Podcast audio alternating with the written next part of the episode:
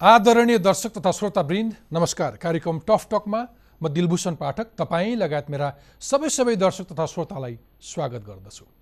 हिमालय टेलिभिजनबाट हरेक बिहिबार साँझ नौ बजे प्रसारण हुने यो कार्यक्रम तपाईँ टफ टकको आफ्नो युट्युब च्यानलमा त्यसै गरी यस कार्यक्रमका प्रस्तुतकर्ता इन्टरफेस नेपालको web page Interface Nepal dot com र हाम्रो पात्रो एपमा हेर्न तथा आइएस चलाउने श्रोताहरूले आइट्युन्स र एन्ड्रोइड चलाउने श्रोताहरूले नेपाली पडकास्टमा पनि टफ टक सुन्न सक्नुहुनेछ।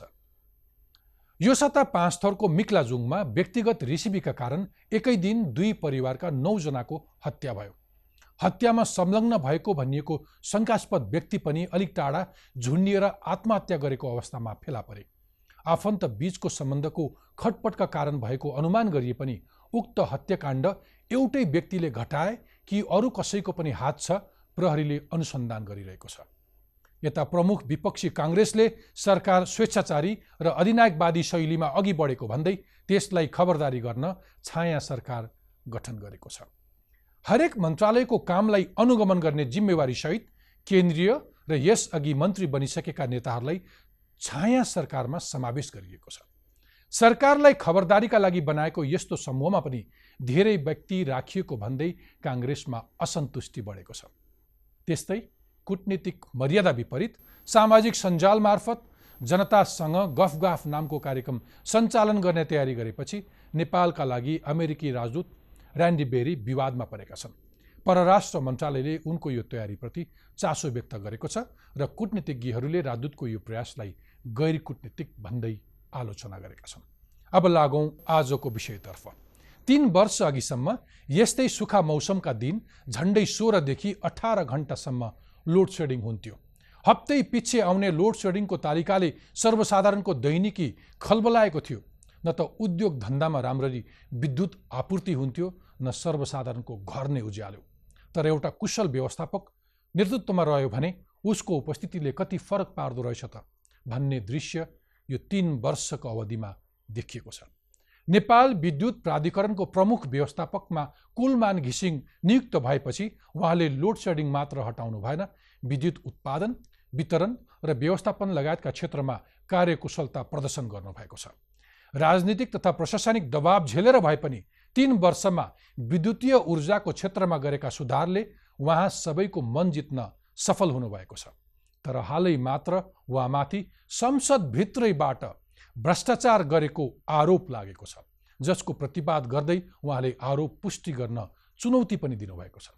झन्डै पच्चिस वर्षदेखि विद्युत प्राधिकरणमा काम गरिसक्नुभएका उहाँलाई विगतमा चिलिमे जलविद्युत आयोजनालाई सफल बनाउने श्रेय पनि जान्छ।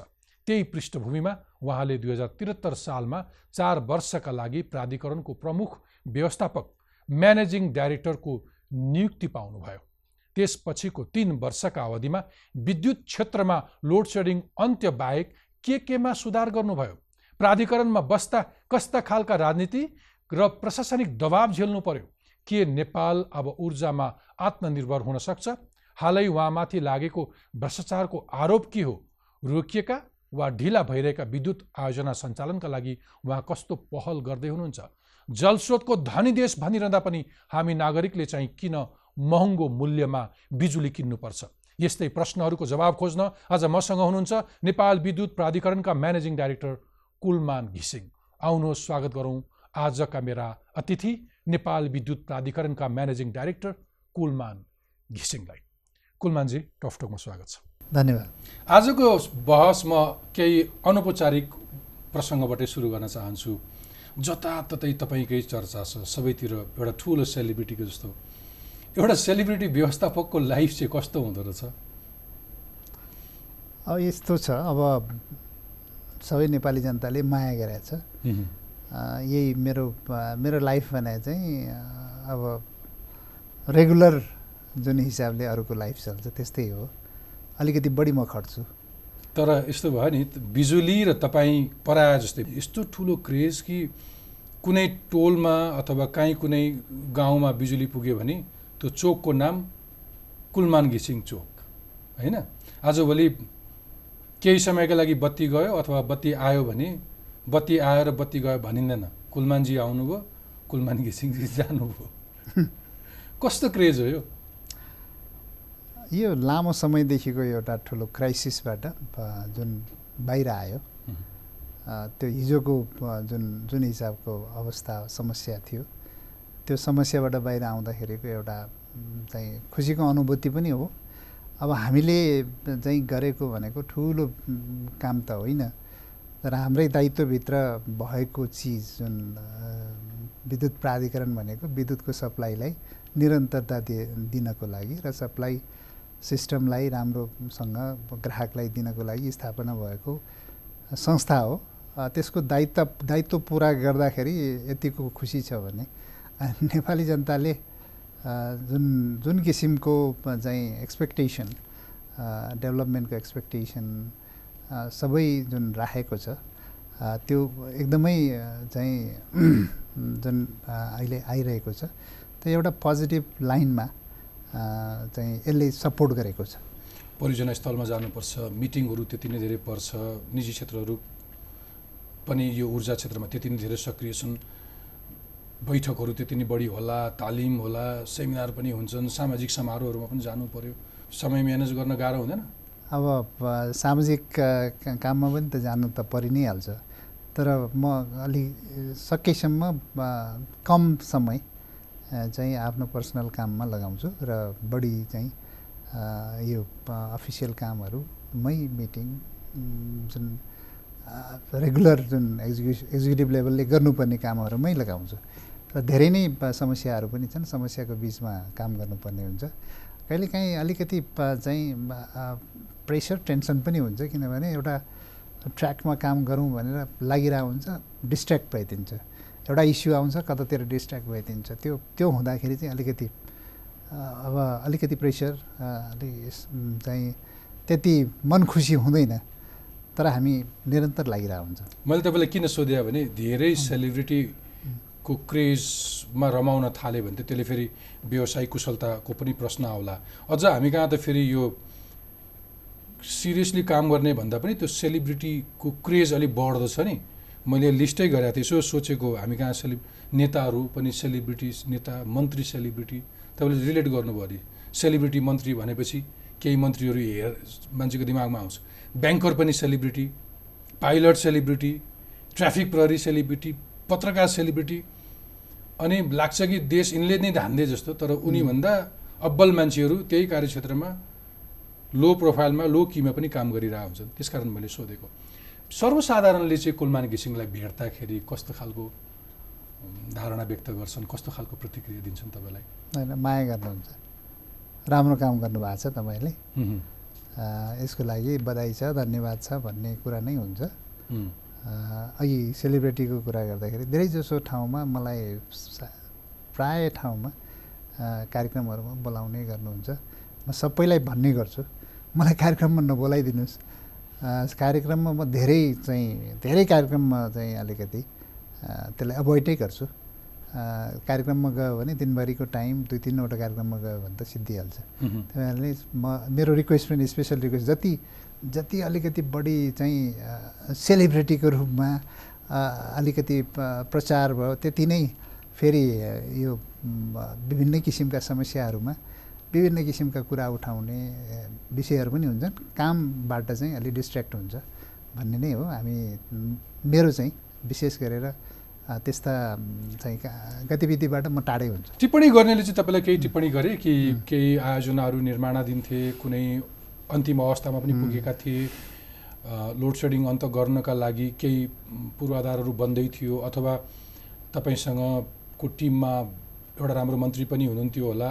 समग्र एनइएका अरू पनि केही मान्छेहरू अरू अब्बल मान्छेहरू पनि थिए होला। तर सबै क्रेडिट चाहिँ एक्लो कुलमान घिसिङले मात्रै लिनुभयो भन्ने टिप्पणी पनि भयो कतै? मैले अहिलेसम्म मैले कुलमान घिसिङले सबै गरेको कहीँ पनि भनेको छैन। सबैको सहयोगबाट सबैले गरेको सबभन्दा ठुलो सहयोग त हामीलाई हामीलाई आम कन्ज्युमर आम पब्लिकबाट भएको छ। त्यही ठुलो सहयोग हो त्यो त्यही हाम्रो इन्सपि इन्सपिरेसन हो। र त्यसैबाट हामीले लोड लोड सेडिङको म्यानेजमेन्ट गर्न सफल भएका छौँ। यहाँ सरकारदेखि लिएर मन्त्रीदेखि लिएर सचिव हाम्रा होल टिम छन् दस हजार बाह्र हजार कर्मचारी छन्। होल टिम टिम यो त टिम वर्क हो नि। एक एउटा व्यक्तिले गर्न छ भने मैले इभन भन्छु हिजोको मान्छेले केही सुरु नगरिकन आज यति अवस्था त आउँदैन। पृथ्वीनारायण शाहले नेपाल नबनाएको भए यति हामी प्रधानमन्त्री मन्त्री कसरी हुन्थ्यौँ? यी सबै कुरा चाहिँ यो हिजोदेखिको कुराहरू केही न केही कसैले कसैले केही न केही त हालेको छ गरेको छ। सबैलाई एप्रिसिएट गर्नुपर्छ। तर आजको अवस्थामा हामीले एउटा टर्न अराउन्ड गर्न सक्यौँ। यो हाम्रो उपलब्धि हो। अब त्यो उपलब्धिलाई कुलमान घिसिङको मात्रै उपलब्धि मैले कहीँ पनि भनेको छैन। तर तपाईँ आफै एउटा चाहिँ एउटा कुशल व्यवस्थापकको नेतृत्वका कारण चाहिँ यो सी नै चेन्ज भयो भन्ने कुरा त घाम जस्तै छर्लङ्ग छ। हामी क्रमैसँग आउँला। तपाईँलाई त्यो चिर्नलाई कति सजिलो गाह्रो भयो भनेर म हिजोकै प्रसङ्गबाट सुरु गर्छु कि प्रतिनिधि सभाको लेखा समितिले कुलमान घिसिङलाई भ्रष्टाचार गरेको आरोप लगायो होइन लेखा समितिले होइन। लेखा समितिमा एकजना मान्यज्यूले लगाउनु भयो लेखा समितिको छलफलमा छलफलमा। माननीय सांसद अमनलाल मोदीले भ्रष्टाचार गरेको आरोप लगाउनु भयो उहाँले त्यति व्यक्तिगत रूपमा त्यति तल्लो स्तरको शब्दहरू प्रयोग नगरेको भए राम्रो हुन्थ्यो। तर लेखा समितिको बैठकमा एउटा माननीय सांसदले भनेको कुरा त्यसलाई फेरि व्यक्तिगत तहमा भन्न मिल्छ र कुलमानजी संसदको मर्यादा त राख्नु पर्ला हामीले पनि होइन मेरो पर्सनल अब जुन विषय थियो लेखा समिति भनेको प- चाहिँ कुनै पनि इस्यु आयो भने त्यसलाई छानबिन गर्ने। त्यसलाई निर्कलमा पुर्याउने। र त्यसको सत्य तथा प- प- पत्ता लगाएर। सम्बन्धित निकायमा पठाउनु पर्ने र उहाँहरूले डिसिजन गर्ने विषय हो अब त्यसमा चाहिँ अब त्यसमा सबैको मर्यादा त हुन्छ।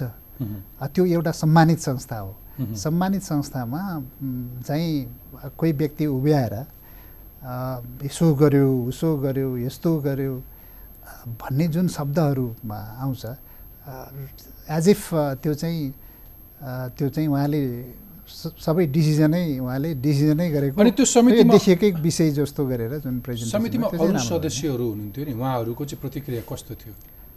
होइन ओभरअलमा उहाँहरूको कमेन्टहरू त भइ नै हाल्छ केही न केही कमेन्ट त हुन्छ भइ नै हाल्छ। जुन हिसाबले पर्सनलाइज भयो त्यो नभएको भए राम्रो हुन्थ्यो। अनि तपाईँले आमन्त्रण चाहिँ अरू कुनै विषयमा छलफल गर्न भनेर बोलाइएको थियो अथवा तपाईँ बयान दिन आउनुहोस् भनेर बोलाइएको थियो होइन छलफल गर्न नै हो यो अहिले डेडिकेटेड टेरिफ यो यो सम्बन्धमा जुन आइरहेछ नि। त्यही एउटा इस्यु वाइज नै छलफलमा बोलाउनुहुन्छ। त्यो इस्युमा छलफल हुँदाखेरि निश्चयको विषय हो अब त्यो विषय चाहिँ अलिकति विषयान्तर भयो। अनि त्यो भ्रष्टाचार पनि थोरै भन्नुभएको छैन। नौ अर्ब भ्रष्टाचार गरेको भन्ने छ। पर्टिकुलरली यो डेडिकेटेड फिडर र ट्रङ्क लाइन वितरणमा औद्योगिक व्यवसायीसँग बकौता रक- रकम असुली गर्ने सिलसिलामा चाहिँ अथवा त्यो नाममा भ्रष्टाचार गरियो भनेर जुन आरोप लगाइयो स्पष्ट पारिदिनुहोस्। ठ्याक्कै त्यो विवाद के हो कुलमानजी? होइन यो जुन भ्रष्टाचार कुलमान घिसिङले भ्रष्टाचार गर्यो भन्ने छ विभिन्न समय म साढे दुई वर्ष जति भएछ विभिन्न विद्युत प्राधिकरणमा कार्यकारी निर्देशक भएको।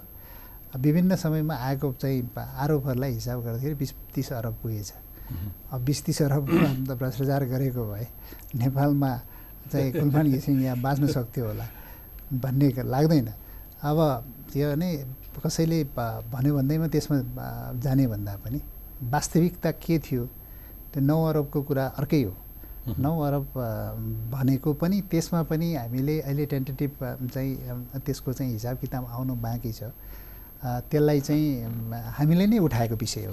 जुन विषयलाई हामीले उठाएर ल्यायौँ हिजो विगतका कुरा विगतका विषय हामीले उठाएर ल्यायौँ त्यो विषयलाई चाहिँ त्यो नौ अरब चाहिँ कुलमान घिसिङले खायो भन्ने त त्यो त्यो अर्थै राख्दैन थियो। अनि तपाईँले पुष्टि गर्नुहोस् म झुन्डिन तयार छु भनेर भन्नुभयो। त्यो एउटा आवेगमा चाहिँ जुन हिसाबले कुराहरू आयो अब पुष्टि भयो भने त जुनसुकै चाहिँ सजाय भोग्न तयार हुनुपर्छ। यो। लेखा समितिमा उजुरी परेपछि नै तपाईँले त्यो शङ्का गरेको होला। यसै कुनै एउटा माननीय सांसदज्यूले मन लाग्दो तरिकाले आरोप लाउन मिल्छ र? होइन त्यो विषय अर्कै हो त्यो। ए। त्यो विषय नै अर्कै हो। नौ अरबको विषय त हामीले यति उठाउँदैछौँ भनेर दिएको विषय हो नि त। होइन। हामीले चाहिँ विगत चाहिँ एक वर्षदेखि सबै अहिले विभिन्न चाहिँ अदालतहरूमा मुद्दा छन् त्यसका। त्यो विषय लामो विषय छ त्यसको छलफल गर्न टाइम लाग्छ। अब अदालतमा मुद्दा छन् त हामीले चाहिँ उठाउन उठाउनु पर्छ भनेर हामीले बिलिङ गरेका छौँ। त्यो बिलिङ कति के भयो भनेर हामीले यति बिलिङ गर्दैछौँ गरिरहेछौँ भनेर उहाँलाई दिएको डाटा हो। न कि नौ अरब हामीले खायो भन्ने डाटा होइन त्यो? नौ अरब रुपियाँ चाहिँ अब चाहिँ हामीले सबै हिसाब गर्दाखेरि यो हो। तर वास्तविकता आउनलाई चाहिँ हामी इन्डिभिजुअल बेसिसमा इन्डिभिजुअल चाहिँ उद्योगीहरूसँग हामी उहाँहरूको चाहिँ कन्ज्युम्सन प्याटर्न के छ सबै हिसाब गरेर रियल कुरा ल्याउँछौँ भनेको हो। कुन परिस्थितिले उहाँले त्यो भन्नुभयो? मलाई भनिदिनुहोस् न केही केही तपाईँहरूको निजी अथवा केही सम्बन्ध थियो? अथवा उहाँले तपाईँबाट केही काम गराउन खोज्नु भएको थियो आग्रह गर्नुभएको थियो तपाईँले काम गर्न मान्नु भएन त्यस पछाडि उहाँ त्यति आक्रोशित हुनुभयो। खोलिदिनुहोस्। ठ्याक्कै के भएको थियो?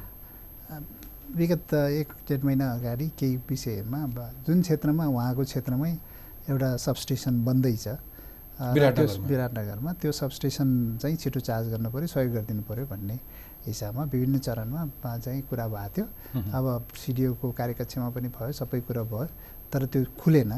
नखुलेपछि अब एक दिन बाइचान्स मैले चाहिँ अर्थ मन्त्रालयको प्राङ्गणमा उहाँलाई भेटेँ। उहाँले नै चाहिँ उहाँसँग भेटेपछि पछि यसलाई अलिक खुलाउनु पऱ्यो अब भन्दाखेरि उहाँले अब यो सम्भव छैन यो अर्कै लाइनबाट लानुहोस् भन् भन्ने कुरा भयो। लाइन तान्नुपर्ने जुन रोडै रोड तान्नुपर्नेलाई अ, भनेपछि अब यो त त्यस्तो हो भने तपाईँले त लोड सेडिङ गर्नुपर्छ त्यो एरियामा। किनभने मैले चाहिँ दिनुपर्ने।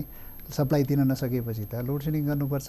त्यो त्यहाँ भोल्टेज पुग्दैन सप्लाई पुग्दैन सबस्टेसन नबनेपछि त लोड सेडिङ बाहेक उपाय छैन। तपाईँको क्षेत्रमा लोड सेडिङ भएपछि तपाईँलाई पनि अप्ठ्यारो हुन्छ मलाई पनि अप्ठ्यारो हुन्छ। यसलाई जसरी पनि फुकाउनु पऱ्यो त्यो तपाईँले सहयोग गर्नु पऱ्यो भन्दाखेरि मलाई धम्की दिने भन्ने जस्तो भाषा बोल्नुभयो। र धेरै कुराहरू चाहिँ उहाँले अलि त्यस्तै किसिमले उहाँले आफ्नो निर्वाचन क्षेत्रमा आफ्ना मतदातालाई बिजुली पुर्याउनसम्मको चाहना राख्नु त अस्वाभाविक मान्न सकिएन। तर त्यो विधि सम्मत थिएन अथवा अलिकति आत्तिनु भयो समय अलिकति पेसेन्स राख्न सक्नु भएन उहाँले तपाईँको भनाइ थियो होइन त्यो के मिल्ने नमिल्ने कुरामा माग्नु भएको थियो उहाँले? होइन अब त्यो कुरा धेरै छलफल भएको छ। सिडिओ कार्यालयमै धेरै कुरा छलफल भएको छ। छलफल हुँदाखेरि अब उहाँको कारणले त्यो रोक्यो भन्ने विषयहरू पनि छ। अब उहाँको कारणले हो या होइन भन्ने कुरा अर्को पार्ट भयो। तर उहाँले सहयोग गर्यो भने हुन्छ भन्ने कुरा थियो। डिस्कसन भयो हो। र उहाँले अब मलाई फोन गरेर समेत भन्नुभएको थियो अब अब तपाईँले मलाई धम्क्याउनु भयो म चाहिँ लेखा समितिमा म पनि छु तपाईँको पनि केस तपाईँलाई भन्नुभएको थियो। अब त्यो। त्यो विषय चाहिँ अर्कै हो। त्यो पर्सनल प्योरली पर्सनल पैसा पनि मागिया थियो सर्वसाधारणलाई मिलाउनको लागि भनेर पाँच लाख रुपियाँ मागिया थियो। मसँग चाहिँ मागेको थिएन त्यो कुरो मैले भन्नु भएन। अब कहाँ केही छलफल हुँदाखेरि के भयो भन्ने म भन्दिनँ। तर अब मसँग चाहिँ त्यस्तो कुरो भएको थिएन। आजभोलि तपाईँलाई अलिकति काम गर्न अवरोध गर्ने अलिकति समस्या सिर्जना गर्ने लगायतको कारणले अलिकति नभए अक्सरहरू समय कुल कुलमान सिंह अलिक एग्रेसिभ हुनुभयो भन्ने टिप्पणी सबैतिर छ कि अलिकति तपाईँलाई असजिलो अथवा अलिकति असहयोगी खालको वातावरण बन्दैछ तपाईँलाई अलिकति असहयोग हुँदैछ? अब हेर्नुहोस् अब सुरुको चरणमा एक डेढ वर्ष एकदम स्मुथली हामीले काम पनि गऱ्यौँ धेरैको सहयोग पनि छ। अब केही चाहिँ तत्त्वहरू निरन्तर रूपमा हाम्रो विरोधमा लागेकै छ। यो हाम्रो टिमलाई डिस्ट्र्याक्ट गर्ने ह्यारेसमेन्ट गर्ने टिमभित्र चाहिँ विभिन्न किसिमका उ गर्ने किनभने सर्टेन बाहिरभित्र सबै छन्। र ठुलै टिम छन्। अब त्यो त्यो टिममा अहिले किन डिस्क्लोज गर्नु? कुलमान सिंहलाई हटाउने अथवा विद्युत प्राधिकरणसँग चलखेल गर्ने तत्त्व त तपाईँले भनेको शब्द तत्त्व त ठुलै होला निकै ठुलो। छन्। अब त्यो निरन्तर रूपमा साढे दुई वर्षसम्म मैले यसरी निरन्तर रूपमा अगाडि बढ्नु भने पनि एकदमै अप्ठ्यारो स्थितिकोबाट गुज्रेको अवस्था हो। अब निरन्तर रूपमा एउटा सहने पनि हद हुन्छ। निरन्तर रूपमा चाहिँ विभिन्न किसिमका प्रेसरहरू विभिन्न किसिमका ऊ गर्ने भएपछि अलिकति मे कहिलेकाहीँ आवेशमा पनि आइन्छ। त्यति मात्रै हो तर हाम्रो काम गर्ने तरिका चाहिँ हाम्रो कन्सिस्टेन्ट छ। कन्सिस्टेन्टली काम गर्छौँ र कुनै एक्जिक्युसनमा जाँदाखेरि अलिकति एग्रेसिभनेस नभए भने नभइकन काम पनि बन्दैन त्यो। तर कसैलाई थुनिदिन्छु भन्न त पाइएन नि। तपाईँ त त्रिशुली बीको प्रसारण आयोजना स्थलमा गएर कुनै सर्वसाधारणलाई म थुनिदिन्छु भनेर भन्न त पाइँदैन। त्यति एग्रेसिभ त हुनु भएन भनेर पनि सबैतिर टिप्पणी भएको सुन्यो पाइयो। होइन यस्तो म त्यो त्यो प्रोजेक्टमा गएको पनि थिएन। होइन त्यो प्रोजेक्ट हेर्ने भनेर गएको पनि होइन मेरो त्यो त्रिशुली थ्री ए प्रोजेक्टलाई चाहिँ अपरेसनमा ल्याउने भनेर त्यहाँ गएको। त्यहाँ जाँदाखेरि त्यहाँ के देखियो भने दुई सयजना मान्छे काम गर्ने ठाउँमा दुईजना मान्छेले अवरोध गरिरहेछ। कुनै पब्लिकको इस्यु पनि छैन फेरि। पब्लिकको चाहिँ डिमान्ड अथवा पब्लिकले चाहिँ यो गरेन कसैको जग्गामा काम गरिरहेको बेलामा विवाद आएको विषय पनि होइन। जुन एउटा सर्टेन बााउन्ड्रीभित्र चाहिँ सबस्टेसनको काम गरिरहेछ त्यस्तोमा आएर चाहिँ निरन्तर एकपटक होइन। म जहाँ जाँदाखेरि दुई तिन दिन भइसकेछ। कन्ट्र्याक्टरले किनभने त्यो प्रोजेक्ट यति क्रिटिकल छ हामीले त्यो एक दिन पनि महत्त्व छ हामीलाई। त्यहाँ करिब एक एक सय सत्तरी मेगावाट प्रोजेक्ट त्यहाँबाट फ्लो हुनुपर्छ। आउन लागिसक्यो। ट्रान्समिसन लाइन सबस्टेसन बन्नलाई त्यो एक दिन पनि डिले भयो भने कति इम्प्याक्ट पर्छ। अब त्यस्तो बेलामा दुई दिनसम्म बन्द गरेर राख्ने पटक पटक महिनौँ अगाडिबाट पनि त्यो चलिरहेको रहेछ। जबकि त्यो चाहिँ चाहिँ जो मान्छेले गरिरहेछ त्यो उहाँहरूको कुनै पब्लिक इस्यु होइन पर्सनल इस्यु हो। उहाँले सब कन्ट्र्याक्टमा काम लिइरहेछन्। आफ्नो काम चाहिँ करिब करिब नौ करोडको काम त गरि नै सकेका रहेछन्। अनि त्यो त्यो सकेपछि अर्कोलाई चाहिँ डिस्टर्ब गरेर काम गर्ने त्यो त्यो राम्रो भएन। तर तपाईँलाई कहिले कहिले लाग्दैन विद्युत मलाई मलाई मलाई फर्किने कुरा चाहिँ विद्युत प्राधिकरणले अथवा सरकारले सबैले सरकारकै मुख सरकारले राज्यले अथवा नागरिक समाजले अथवा त्यहाँका स्थानीय बुद्धिजीवीहरूले कुनै पनि आयोजना स्थलमा अवरोध गर्नु भनेको त्यो देशको उत्पादकत्वसँग जोडिन्छ देशको विकाससँग जोडिन्छ। सधैँ हामीले विकास भएन विकास भएन भन्ने कुरा एउटा नागरिकको उसको आम्दानी अथवा उसको समग्र विकाससँग नै आएर जोडिन्छ। त्यसकारण यस्ता आयोजना स्थलहरूमा अवरोध उत्पादन उत्पन्न गर्नु हुँदैन भनेर कसैले त्यो चेतना कसैले त्यो विवेक बाँड्ने काम चाहिँ गर्दैन गर्नु पर्दैन के सर्वसाधारणसँग रिसाउँदा पुग्छ त्यो त्यो निर्दोष अलिकति ज्ञान नभएका मान्छेहरूसँग? होइन निर्दोष निर्दोषले त्यसो गरे अब त अर्कै कुरा हुन्थ्यो यो त। त्यो त्यो तपाईँले खेत खेत मास दिएको एउटा एउटा गरिब किसानले भने आउन सक्छ नि त फेरि। No no no. जसले त्यो गरिरहेछ एकदमै प्रबुद्ध व्यक्तिहरूले गरिरहेछ। यो कहाँ निर्दोषको कुरा हो अब त्यो निर्दोषले त गर्दै गर्दैन। होइन बिचौल बिचौलियाहरू त अस्पतालमा एउटा लासमाथि गर्छन्। होइन? तिमीले हेल्थ चेकराले मार्यौ तिम्रो अस्पतालको सिसा फटाउँछु या त पैसा दियो भनेर बार्गेन गर्ने त्यहाँसम्म पुग्छ एउटा। एउटा सबसँग जान्छ भनेपछि त जहाँ जहाँ खान पाइन्छ त्यो बिचौला बिचौलिया ठगहरू त जहाँ पनि हुन्छ। मैले भनेको त्यसलाई अलिकति ब्रडर अवेरनेसको कार्यक्रमहरू पनि हुनसक्थ्यो होला भन्ने। होइन हाम्रो म्यासिभ क्याम्पेनहरू चलिरहेको छ। जस्तो हाम्रो सिएसआर एक्टिभिटिजहरू चलायो धेरै कामहरू। वास्तवमा भन्ने हो भने त्यो चाहिँ रिभर करिडोर स्टेजमा चाहिँ हामीले ग्याबिन वाल मात्रै करिब करिब नौ करोडको चाहिँ सिएसआर काम गरेका छौँ। हाम्रा कर्मचारी स्थानीय कर्मचारीहरू प्रोजेक्ट म्यानेजरहरू कन्टिन्यू लागेको हुन्छन्। तर फुक्दैनन्। केही चाहिँ माथिबाट इन्टरभेन्सन गरेन भने यो देशमा कसरी काम हुन्छ? एक्ज्याक्टली मैले सोध्नु खोजेको। त्यो त्यो त्यो अब तपाईँले अघि भन्नुभयो नि त्यो एउटा कुल कुलमानको एग्रेसनमा पुग्दै गर्दाखेरि चाहिँ बिचौलियाहरू काम गर्न नदिने तत्त्वहरू अथवा कतै मुआब्जाको विषय छ कतै सरकारी निकायहरूसँगै तालमेल नमिल्दा पनि कति समस्याहरू छन्। तपाईँले भने जस्तै माथिको लेभलबाट कुनै इन्टरभेन्सन भने जस्तै तपाईँको कामलाई सहजीकरण गर्नलाई केही कुराहरू छुटिरहेको छ मिस भइरहेछ अथवा त्यसलाई यो माथिल्लो तहबाट अथवा कहीँबाट केही गर्नुपर्ने अवस्था छ जरुरी छ? होइन अब सरकारको लेभलबाट अब माथिल्लो लेभलबाट विभिन्न निकायबाट गर्नुपर्ने विषयहरूमा हामीले विभिन्न टाइममा कुरा उठाएको पनि छौँ र त्यो विषयलाई सरकारी तवर तवरबाट प्राइम मिनिस्टरको लेभलबाट हुनुपर्ने जुन फुकाउनु पर्ने विषयहरू पनि फुकिएको छ जस्तो वनको विषयहरू अहिले चाहिँ ऐनमा परिवर्तन भएर के आएको छ। प्र्याक्टिकल्ली समस्या चाहिँ कहाँ हो भने एक्जिक्युसन लेभलमा तल्लो लेभलमा ऐन कानुन एउटा पार्ट भयो त्यसले पनि रोकेको छ रोके रोकेको अवस्थामा चाहिँ एउटा फुकाउने पार्लियामेन्टको सम्म गएर फुकाउने एउटा पार्ट भयो।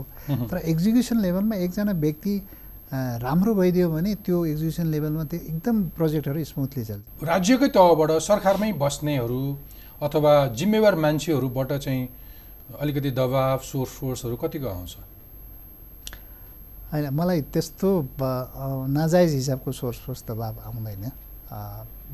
हुने कुरा त सबै हुने विषयमा त सबैले चाहिँ रिक्वेस्ट गर्ने भन्ने कुराहरू त छँदैछ हुने कुरा गर्नु तर त्यो। बानी लागेको होला नि त्यो त दुनो गाउँ गाई हो धेरैका लागि। त्यो त विद्युत प्राधिकरण भनेको त त्यो अखडै हो नि। नेताहरूलाई आफ्ना आफ्ना असल कार्यकर्तालाई अथवा आफ्ना वफादार कार्यकर्तालाई भर्ती गर्ने ठाउँ यसो काहीँ जानु पर्यो अथवा राम्रो गाडी तपाईँहरूको आयोजना परियोजनामा युज हुने राम्रा गाडीहरू यसो जिल्ला जानु पर्यो अथवा काहीँ जानु पर्यो भने त्यही त्यहीँ गाडी माग्ने ठाउँ। पत्रकारहरूलाई पनि यसो विज्ञापन देखाएर खाने ठाउँ पनि त्यहीँ पहिले पहिले त घटना थिए बिसौँ लाख चालिसौँ लाख विज्ञापन देखाएर कुनै एउटा पत्रकारले उठाएको। त्यो त अखडै हो नि त्यो चिर्न त्यति सजिलो छ र कुलमानजी? कि चिरिसक्नुभयो त्यही भएर हामीलाई अलिकति अप्ठ्यारो छ अहिले। छ है। होइन भन्नु मतलब कस्तो भने हामीले अहिलेसम्म पत्रकार साथीहरूलाई पनि एक एक रुपियाँको विज्ञापन तिरिसकेका छैनौँ अनि त्यो दिएको पनि छैन। गाडी गाडी कति होइन छैन। छैन। छैन। हाम्रो मन्त्री हाम्रो चाहिँ भाइरार्कीमा चढ्ने भने एउटा पाटो मन्त्री मन्त्रीको सचिवालयमा एउटा गाडी कहिलेकाहीँ जाने पक्का विद्युत प्राधिकरणको एउटा गाडी तपाईँको ऊर्जा मन्त्रीले चढ्ने बाहेक अरू कसैले मिसयुज गरेको छैन। कुनै पोलिटिकल लिडर्सहरूले। छैन छैन छैन। पूर्व अर्थमन्त्री पूर्व कुनै के? छैन पहिला पहिला युज भएको थियो। त्यो चाहिँ के गरियो भने हामीले बेच्यौँ। त्यो टोटल्ली विद्युत प्राधिकरणबाटै डिट्याच भयो। त्यो भएको हुनाले अब त्यस्तो गजब गर्नुभएको छ गजब छ। त्यस्तो इन्टरभेन्सन छैन। ओके। सरकारी लेभलबाट छैन। ओके अनि आयोजनाहरू कुनै सञ्चालन गर्ने नाममा आदि इत्यादिमा यसो सुटकेस बोकेर आउनेहरू दलालहरू कमिसन लिएर आउने मान्छेहरू कति हुन्छन्? एउटा सिइओले देखेको अनुभव सुनौँ भनेर। अब सबभन्दा एउटा समस्या के हो भने मलाई यहाँ काम गर्दैन। यहाँ नेपालमा के हो भने कन्ट्र्याक्टर आउँछन्। कन्ट्र्याक्टरका यहाँ केही लोकल एजेन्टहरू हुन्छन्। अब राम्रा कन्ट्र्याक्टर ल्याए ल्याएर आएको लोकल एजेन्टले एकदमै राम्रो काम गर्नुभएको छ। एकदमै राम्रो काम गर्नुभएको छ। धेरै जसो चाहिँ अब नराम्रो कन्ट्र्याक्टर आएछन् यति बिलोमा हाल्छन् कामै हुँदैन। कामै यो हुँदैन। काम वर्षौँ काम हुँदैन। अब यहाँ म आउँदाखेरि- म करिब सात वर्ष काम नभएको प्रोजेक्टहरूमा थिए सबै थिए। हामीले सबै कन्ट्र्याक्ट तोडिदियौँ। अहिले त हामी के गरेको रहेछौँ भने चौबिस महिनाको कन्ट्र्याक्टमा अठार महिनासम्म उसले चाहिँ प्रोग्रेस राम्रो गरेको छैन भने त्यो। चाहिँ म्याच सकिनुभन्दा पहिला पनि हामी कन्ट्र्याक्ट तोडेका छौँ। सबै कन्ट्र्याक्ट तोडेका छौँ। करिब करिब हामीले करिब त तिन चार अरब त हामीले कन्ट्र्याक्ट तोडेर चाहिँ त्यसको चाहिँ पर्फर्मेन्स बोन्ड जफतबाट हामीले चाहिँ विद्युत प्राधिकरणले लिएका छौँ। धेरै प्रोजेक्टहरू ठुल्ठुला प्रोजेक्ट तोडिदिएका छौँ। अहिले त्यो गर्न सक्दैन।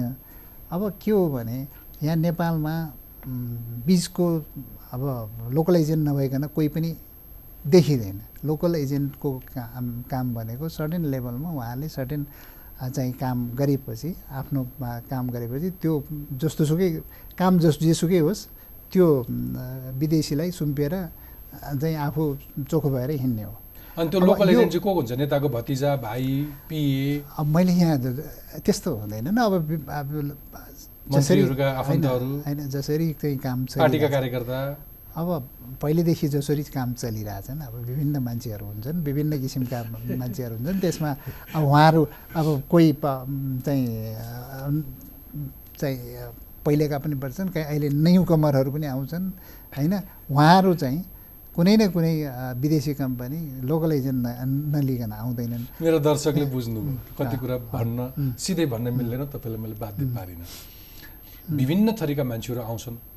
अनि त्यो विकृति छ तपाईँले कति कन्ट्र्याक्टहरू तोड्नुहुन्छ लोएस्ट बिडमा गर्नेले तैँले गर्न सक्दैनस् अथवा कति समय नगरेपछि अब तैँले हामीलाई काम गरिदिने भइनस् बरु तैँले डुबाउँछस् भने त्यसलाई तोड्छु भन्नुभयो नि। त्यो तोड्दै गर्दा त धम्की आउला नि त उसलाई त चित्त दुख्छ। त्यही त एउटा रिक्स त्यही त नि एक किसिमको विरोधीको ज्ञान त्यसमा पनि मिसिन्छ। है? अनि सामान्य एउटा कुशल व्यवस्थापकलाई चाहिँ अथवा एउटा एउटा राम्रो प्रशासकलाई चाहिँ प्रधानमन्त्रीको अथवा मन्त्रीको अथवा अस्ति तपाईँले भएका सांसदहरू जस्तोहरूको चाहिँ एकदमै ठुलो प्रेसर हुन्छ दबाव हुन्छ तिनका कारणले काम गर्न पाइँदैन भन्ने चलन छ नि होइन? अनि त्यो चाहिँ आफ्नो असक्ष असक्षमताबाट भाग्नको लागि मात्रै भनिएको हो कि त्यस्तो स्थिति छ? अर्को नयाँ मन्त्री आउँदा जाँदा त्यो कुलमानसँग मात्रै त्यो त्यो बोल्न नसकेको हो कि कस्तो छ माहौल चाहिँ? अहिले फोर्थ हुनुहुन्छ। मसँग। फोर्थ मन्त्री हो। अहिले अहिले जो मन्त्रीजी हुनुहुन्छ। त्यो भएको हुनाले सबै मन्त्रीसँग मेरो राम्रै ए, सँग उहुँ, अ, काम र रिलेसन त्यस्तै राम्रो रिलेसनमै काम गऱ्यौँ हामीले। त्यस्तो नराम्रो थिएन। सबै सपोर्टिभै हुनुहुन्छ। सबैले राम्रो सपोर्ट गर्नु। एउटा लिडरसिप हो। लिडरसिपले सपोर्ट भएन भने मन्त्रालयको मन्त्रीको सपोर्ट भएन भने धेरै काम गर्न पनि सकिँदैन। तपाईँले कतै अलिक पब्लिक कम्पनीहरूमा चाहिँ यो यो सोसो पोलिटिकल समस्या बढी देखियो भनेर भन्नुभएको थियो नि? कता सङ्केत गर्नुभयो? होइन पब्लिक कम्पनी भन्नु मतलब यो पब्लिक अर्गनाइजेसनहरू जस्तो विद्युत प्राधिकरण। यो सोसियो पोलिटिकल इन्भाइरोमेन्ट जुन छ नि यो त ठुलो छ नि यहाँ त। होइन यहाँ यो भित्रको वास्तवमा यो भित्र एउटा ब्याङ्कको सिओ चलाएको जस्तो त होइन यो त। यो त ठुलो च्यालेन्जभित्र हामीले काम गर्नुपर्छ। यहाँ सबै पार्टीको युनियन हुन्छन् होइन? अनि कर्मचारी पनि करिब बाह्र हजार कर्मचारीमा सबै किसिमका चाहिँ कर्मचारी हुन्छन्। Social social social social political त्यो यो कन्टेक्स्ट हेर्ने हो। राजनीतिक दलै पछि कर्मचारी सङ्गठन छन्। कतिवटा बोर्ड छ? कतिवटा युनियनको कार्यालय छ तपाईँको विद्युत प्राधिकरणभित्र अहिले तिनवटा छ। तिनवटा छ। पहिला पाँचवटा जति थियो अहिले तिनवटा छ। मर्ज भएर ति दुई तिनवटा भएको छ।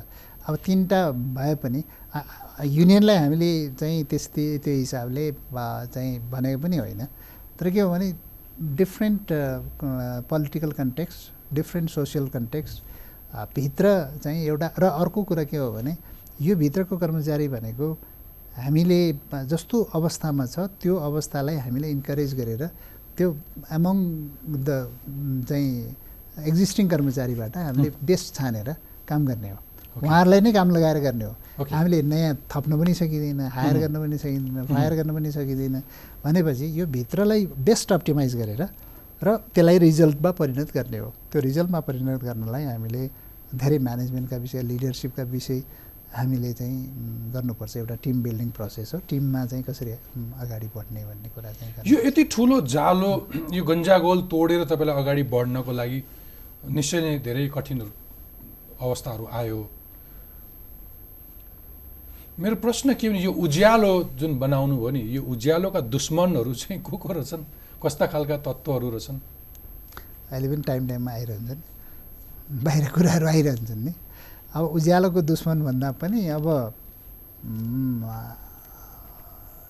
उज्यालोको बेलामा के अरे अँध्यारोको बेलामा हिजो जुन जुन किसिमको व्यापार चलाइरहेको थिएँ अब उहाँहरू अहिले कन्भर्ट हुनुभएको छ उज्यालोको व्यापार गर्नुभएको छ। उज्यालो सबैले पाछ अब अहिले हिजोको अवस्था विद्युत प्राधिकरणको अवस्था विद्युत प्राधिकरणभित्रको चाहिँ यो चाहिँ समस्या यो यो लोड सेडिङ म्यानेजमेन्ट मात्रै विषय चाहिँ होइन। लोड सेडिङ म्यानेजमेन्ट एउटा पार्ट भयो। त्यसले हामीलाई धेरै म्यानेजमेन्टमा चाहिँ यो पब्लिकको एउटा चाहिँ सपोर्टले भन्नुहोस् बाहिरको एउटा चाहिँ क्रेडिबिलिटीको कारणले हामीले अरू म्यानेजमेन्ट गर्न हामीलाई धेरै सपोर्ट भयो। विद्युत प्राधिकरण चाहिँ नौ महिनामा नाफामा आयो। नौ नौ अरबबाट न चाहिँ नाफामा आयो हामी करिब डेढ अरब यसपालि त करिब तिन अरब जति नाफामा आयौँ। लस भन्नुहोस् हेर्नुहोस् करिब चाहिँ छब्बिस पर्सेन्टबाट सोह्र पर्सेन्टमा झाऱ्यौँ। दस पर्सेन्ट लस घटाउन हामी सफल भयौँ। अब म्यासिभ इलेक्ट्रिफिकेसन भएको छ। म्यासिभ चाहिँ करिब सिक्सटी फाइभ पर्सेन्ट चाहिँ ग्रिड एक्सेस थियो नेपालमा। दुई वर्ष साढे दुई वर्ष अगाडि। अहिले करिब करिब सेभेन्टी सेभेन्टी एट पर्सेन्ट पुगेको छ। एघार लाख त मिटर बाँडेछौँ हामीले। होइन? यो यो त म्यासिभ काम भएको छ नि यो से सेक्टरमा इन्डस्ट्री इन्डस्ट्रीहरूलाई अलिक एक्सपान्सन इन्डस्ट्रीहरू इन्डस्ट्रियल ग्रोथमा भएको छ इन्डस्ट्रीहरूलाई सप्लाई पुगेको छ। सप्लाई तपाईँले त्यो बेला दुई वर्ष अगाडिको हामीले जुन कन्ज्युम्सन थियो अहिलेको कन्ज्युम्सन भनेको करिब सिक्सटी पर्सेन्ट इनर्जीको कन्ज्युम्सन इन्क्रिज भएको छ प्रत्येक वर्ष टेन पर्सेन्ट इन्क्रिज हुनलाई कति गाह्रो हुन्छ हो, हो, होइन। सिक्सटी पर्सेन्ट इनर्जी कन्ज्युम्सन भन्नुको बढ्नुको अर्थ त्यसले चाहिँ इकोनोमीमा इम्प्याक्ट पारेछ सोसियल लाइफमा। इम्प्याक्ट पारेछ हेल्थ हेल्थ सेक्टरमा इम्प्याक्ट पारेछ सबै सेक्टरमा इम्प्याक्ट। पारेछ नि त अहिले हामीले हाम्रो मेजर च्यालेन्ज भनेको रिलायबिलिटी र क्वालिटी र सिप सेफ्टी पनि हो। तिनवटा विषयलाई फोकस गरेर हामी अगाडि बढाएका छौँ। हिजो हामी क्राइसिसको बेलामा जुन बेला एकदमै एक्युट क्राइसिस थियो त्यो बेला त हामीले म्यानेज गऱ्यौँ भने अहिले हामीलाई म्यानेज गर्न अहिले कति छ? आपूर्ति ठ्याक्कै कति छ? अहिले सबभन्दा आयात कति हुन्छ? अथवा भनौँ न आन्तरिक उत्पादनको पर्खाइमा छौँ। अहिले सबभन्दा ठुलो म्यानेजमेन्ट भनेको लोड सेडिङको म्यानेजमेन्ट म दुई तिनवटा कुरा मात्रै राख्छु। एउटा डेडिकेटेडको कारणले लोड सेडिङ भइरहेछ भन्ने एउटा एउटा स्कुल अफ थट थियो। त्यो पनि एउटा कारण हो। तर म्यानेजमेन्टको पार्टमा हाम्रो जुन डेली जुन लोड डिमान्ड साइडको म्यानेजमेन्टको पार्टमा कसैले हेरेको थिएन। हाम्रो सबभन्दा सक्सेस भनेको डिमान्ड साइड म्यानेजमेन्ट हुँ। डिमान्ड साइड म्यानेजमेन्ट भनेको के हो भने जुन सिस्टम पिक जान्छ नि। त्यो सिस्टम पिक चाहिँ यस्तो सर्ज हुन्थ्यो त्यो त्यसलाई हामीले कम्प्लिटली फ्ल्याट बनाइदियौँ। होइन? दिनभरिको त लोड चाहिँ फ्ल्याट जस्तै बनाइदियौँ। अलिकति बेलुका पिक हुन्छ तर अलमोस्ट एट्टी पर्सेन्ट हाम्रो चाहिँ लोड फ्याक्टर हुन्छ। भनौँ मतलब त्यो के भयो भने त्यो बेला चाहिँ फोरकास्टेड लोड चाहिँ चाहिँ यो यो वर्ष भनौँ न यो वर्ष करिब करिब दुई हजार मेगाट थियो। तर अहिले हाम्रो पिक पिक डिमान्ड अहिले हाम्रो पिक डिमान्ड भनेको बाह्र तेह्र सय मेगा तेह्र सय मेगा पिक डिमान्ड तेह्र सय मेगावाट हामी राख्न सफल भयौँ। तर इनर्जीको कन्ज्युम्सन हामीले सिक्सटी पर्सेन्टले बढायौँ। यो भने त सिस्टमको लागि यत्रो ठुलो इफिसियन्सी बढायौँ। त्यो कसरी गऱ्यौँ भने डिमान्ड साइड म्यानेजमेन्टबाट भने। पिक घटायौँ तर युनिफर्मली चाहिँ कन्ज्युम्सन बढायौँ। तर आय- आयातको एउटा तथ्याङ्क हेर्ने भने चाहिँ भारतबाट झन्डै पाँच सय मेगावाट त विद्युत किन्नु म। आउँदैछु आयातमा आउँदैछु। अब हाम्रो सिस्टममा हाम्रो अहिलेको हाम्रो जेनेरेसन कति त? भन्दा आइपिपी र हाम्रो गरेर करिब करिब तपाईँको सात सय मेगावाट जति पिकमा हामीहरू पिकिङ पावर प्लान्ट छ। पाँच सय मेगावाट जति हामी जेनेरेसन गर्छौँ यो कुलेखानी लगायत सबै गरेर अहिलेको अवस्था। आजको अवस्था साढे चार सयदेखि पाँच सय मेगावाट गर्छौँ र दुई सय दुई सय पच्चिस आइपिपीको हुन्छ करिब सात सय मेगावाटको हारारीमा सात सय सात सय पचास मेगावाट हाम्रो हुन्छ र पिक टाइममा है यो मैले पिक टाइमको कुरा पिक टाइममा हामीलाई पिक पुग्दैन। पिकमा नपुगेपछि बिहारबाट र यो सेन्ट्रल ग्रिड चार सय मेगावाट चाहिँ पिक टाइममा इम्पोर्ट गर्छौँ। त्यसले चाहिँ हाम्रो ठ्याक्कै चाहिँ पिक पुगि पुगिहाल्छ।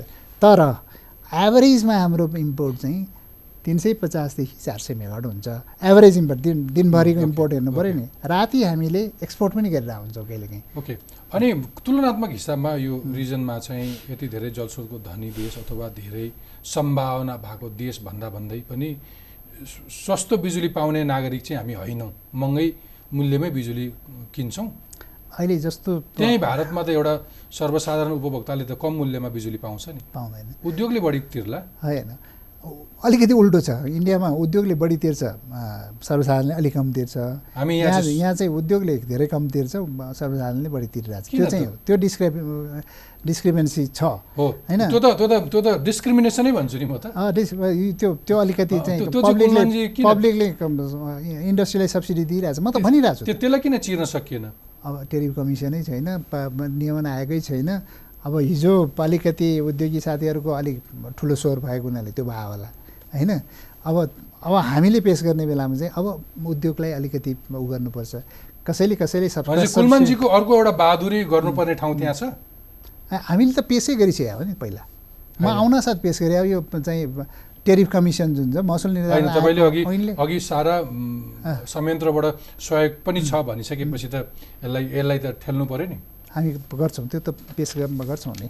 अलिकति सबै ग्राहकलाई जस्टिफाइड त हुनु पऱ्यो नि। यो यो चाहिँ अलिकति नियमसङ्गत कानुन सम्मत र सबैलाई चाहिँ इक्वल ट्रिटमेन्ट त गर्नुपर्छ नि। हो अनि तपाईँले अघिल्लो मेरो टफ टकमा के भन्नुभएको थियो भने नेपालको पानी जनताको लगानी भनेर केही सपनाहरू देखाउनु भएको थियो। कहाँ पुगेको छ? के छ त्यो? त्यो आइरहेको छ त नेपालको पानी जनताको लगानीमा तिनवटा प्रोजेक्ट। अहिले हामी सेयरै जारी गरिसक्यौँ जनताको। र अहिले अप्पर अरुण भनेर त्यहाँ द- एक हजार साठी मेगावटको अहिले चाहिँ हामीले अलि डिटेल डिजाइन सकेर अगाडि डिटेल डिजाइन सकिने क्रममा छ। अगाडि बढ्दैछौँ। त्यो। पनि नेपालको पानी जनताको लगानीमै हो। होइन? त्यो। एकदमै बेस्ट प्रोजेक्ट छ। अनि त्यसपछि अहिले त तामाकोसी पा पाँच भनेर सय मेगावटको प्रोजेक्ट त्यो पनि चाहिँ बिडिङ प्रोसेसमा गइसकेको छ। लगायत यहाँ। करिब करिब अठारवटा प्रोजेक्टहरू छन्। त्यो त्यही नेपालको पानी जनताको लगानीमा करिब तिस पैँतिस तिन हजार पैँतिस सय मेगावटका प्रोजेक्टहरू चाहिँ अगाडि बढिरहेछ। सरकारले आफ्ना परियोजनाहरू अगाडि बढाउँदै गर्दाखेरि ब्याङ्कहरू सबै सरकारी परियोजनाप्रति अलिक बढी उद्धार हुँदै गर्दाखेरि निजी ऊर्जा उत्पादकहरूले चाहिँ त्यो त्यो त्यो लाभ लिन नसकेको अवस्था छ? मेरो विचारमा अहिलेको हाम्रो कार्यकाल भनेको आइपिपीको लागि स्वर्णिम अवसर। हामी आएर अहिले करिब करिब छ हजार मेगावटको पिपिए गरेका छौँ। एघार सयमा चाहिँ यहाँ पिपिए बन्द गरेर बसेको अवस्था थियो त होइन? छ हजार मेगावटको पिपिए ओपन गर्यो। छ छ हजार मेगावटको त पिपिए भइरहेको भइ नै भइ नै सकेको छ। र हामीले नेपालको जुन चाहिँ रिसोर्स नेपालको चाहिँ ब्याङ्किङ रिसोर्स ब्याङ्किङ जुन फन्ड छ जुन छ त्यो चाहिँ प्राइभेट सेक्टरले युज गरोस् भनेर हाम्रा प्रोजेक्ट जति सबै चाहिँ एआइआइबी इआइबी यो विदेशी फन्ड युज गरिरहेछ। तर तथ्यमा टेकेर एकजना अर्थशास्त्रीले के भन्नुभएको छ भने सरकारले जलविद्युतका निजी प्रवर्धकहरूलाई दिने भनेर घोषणा गरेको प्रति मेगावाट पचास लाख पोस्टपेड रेट लगायत नदिनुले सरकारी निजी क्षेत्रका जलविद्युत प्रवर्धकप्रति इमान्दार नरहेको देखाउने र लोकप्रियताको लागि जनताको जलविद्युत कार्यक्रम ल्याउनुले सरकारप्रति धेरै शङ्का जन्माएको छ भनेर भन्नुभएको छ कतै। होइन जनताको जलविद्युत उहाँहरूले त्यसलाई चाहिँ विरोधीको रूपमा हेर्नै पर्दैन। जस्तो अप्पर अरुण भन्यौँ हजार मेगावाट भन् भनिरहेछौँ। त्यसमा हामीले त्यसमा चाहिँ लोन पार्ट हामीले वर्ल्ड ब्याङ्कका एआइबीबाट विदेशी फन्ड ल्याउ ल्याउँदैछौँ। ने त्यसको इक्विटी पार्ट नेपाली जनताले हाल्ने हो। होइन? अब भनेपछि उहाँहरूले त्यसलाई अब किनभने सरकारी सरकारी कम्पनीहरूले सरकारको तर्फबाट पनि म्यासिभ रूपमा प्रो प्रोजेक्ट आएन भने भोलि के हुन्छ? यो सरकारले। फेसिलिटेट गर्नु पऱ्यो नि एउटा पाहाड फोड्नु पऱ्यो भने विस्फोटक पदार्थ ल सरकारकै भर पर्नुपर्छ त्यो पनि छोडिदिउँ। वन जग्गा प्राप्ति गर्नलाई अथवा वनबाट जानु पर्यो अथवा कुनै जग्गा प्राप्ति गर्नु पर्यो भने त्यहीँ ढिलाइ छ। विद्युत प्रसारण प्रसारण लाइनको उपलब्धता त्यति सजिलै सबैतिर छैन। स्थानीय सरकारले अथवा अरू बाहनामा फेरि त्यो आयोजना स्थलमा अवरोध गर्ने कामहरू प्रशस्त भइरहेकै छन्। भनेपछि त स्टेटको लेभलबाट पनि फेसिलिटेसन गर्नु पर्थ्यो होला अथवा तपाईँको प्राधिकरणले पनि अलिकति अग्रसरता यो यो। जुन यहाँले भन्नुभयो त्यो तिनवटा कुरा यो चाहिँ पचास पचास लाख तिरेन। दिएन भन्ने कुराहरू अब यो यो गभर्मेन्टको चाहिँ यो बजेटमा आएको विषयहरू र विभिन्न कुराहरू छन् त्यसको नीतिगत कुराहरू र प्रक्रियागत कुराहरू छन् त्यो बोलेको कुराहरू नदिएको पनि होइन यो चाहिँ जुन पोस्टपेड टेरिफमा हामीले चाहिँ सरकारबाट डिसिसन भएर आएकोलाई सबैलाई दिएको पनि छ। अब एउटा सानो कुरा भएन भने होल सेक्टर चाहिँ खतम भयो भन्ने कुरा चाहिँ होइन। अहिलेको जस्तो चाहिँ स्वर्णिम अवसर आइपिपीलाई हामीले सप्लाई टेकर पे भन्नु टेकर पे गरिदिउँ। मार्केट त चाहिँ हामीले दिदिउँ नि मार्केट त डिफाइन गरिदिउँ ठिक छ ठिक छ। कुलमानजी यसो गरौँ न तपाईँले यहाँ बोलाइसकेपछि तपाईँले पहिले पनि यसै एउटा चमत्कारै जस्तो गरिसक्नु भएको छ। कुलमानजीका अरू चमत्कारहरू केही लिस्टहरू छन्? जाँदा जाँदै यो मेरो अन्तिम प्रश्न केही पोजिटिभ नोटमा एन्ड गरौँ न तपाईँ यहाँ आइसकेपछि एउटा एउटा कुशल व्यवस्थापक केही आशा त जगाउनुहोस् हामीलाई। मेरो चमत्कार भन्ने अहिले पहिला पनि थिएन अहिले पनि थिएन। यो यो रेगुलर प्रोसेस हो। लोड सेडिङ अन्त्य भएको पनि चमत्कार होइन यो यो हामीले एउटा व्यवस्थापन गरेर गर्नुपर्ने दायित्वभित्रको काम हो र अहिले पनि हामी के गर्दैछौँ भने नेपाललाई नेपाललाई अब अब हामी लोड सेडिङ अन्त्यको कुरा भन्दा पनि हामीले हाम्रो खपतलाई कसरी बढाउनु बढाउने खपतलाई बढाउनु खपत बढाउनुको लागि इन्फ्रास्ट्रक्चर कसरी बना बनाउने उद्योगलाई कसरी चाहिँ इन्फ्रास्ट्रक्चर बनाउने हाम्रो ग्रामीण विद्युतीकरणदेखि लिएर त्यसमा ऊ पनि भन्नुहोस्? न खपत बढाउने भन्दा भन्दै सुलभ मूल्यमा आफ्ना उपभोक्तालाई पनि भन्नुहोस् न ग्राहकलाई। अहिले भन्नुभयो त मैले त्यो भन्न बिर्सेछु। यो चाहिँ तपाईँको नेपालको विद्युत चाहिँ महँगो छ महँगो हो। ये अहिलेकै विद्युत पनि नेपालको विद्युत एभरेजमा महँगो होइन? होइन? तर नेपालको विद्युत जति सस्तो कहीँ पनि हुँदैन। यो चाहिँ म ग्यारेन्टी दिन्छु। पन्ध्रदेखि बिस वर्षपछि हेर्नुहोस् नेपालको विद्युत यो रिजनको सबभन्दा सस्तो हुन्छ। किन? म कारण किनभने कारण छ यसको। किनभने जति पनि आइपिपीबाट अहिले आएको छ यी सबै पन्ध्र बिस वर्षपछि तिस वर्ष पुग्छ र चाहिँ यो जेरो भ्यालुमा आउँछ। र त्यो चाहिँ इलेक्ट्रिसिटी यो हाइड्रो पावरमा तपाईँको अपरेसन कस्टै लाग्दैन। एक रुपियाँ पनि लाग्दैन। त्यो आएको सित्तैमा गभर्मेन्टमा ट्रान्सफर भएपछि नेपालको विद्युत जति सस्तो कुनै पनि हुँदैन। हुन्छ कुलमानजी। यो अप्ठ्यारोका बिच पनि तपाईँको महत्त्वपूर्ण समय र विचारका लागि धेरै धेरै धन्यवाद। यहाँलाई पनि धन्यवाद।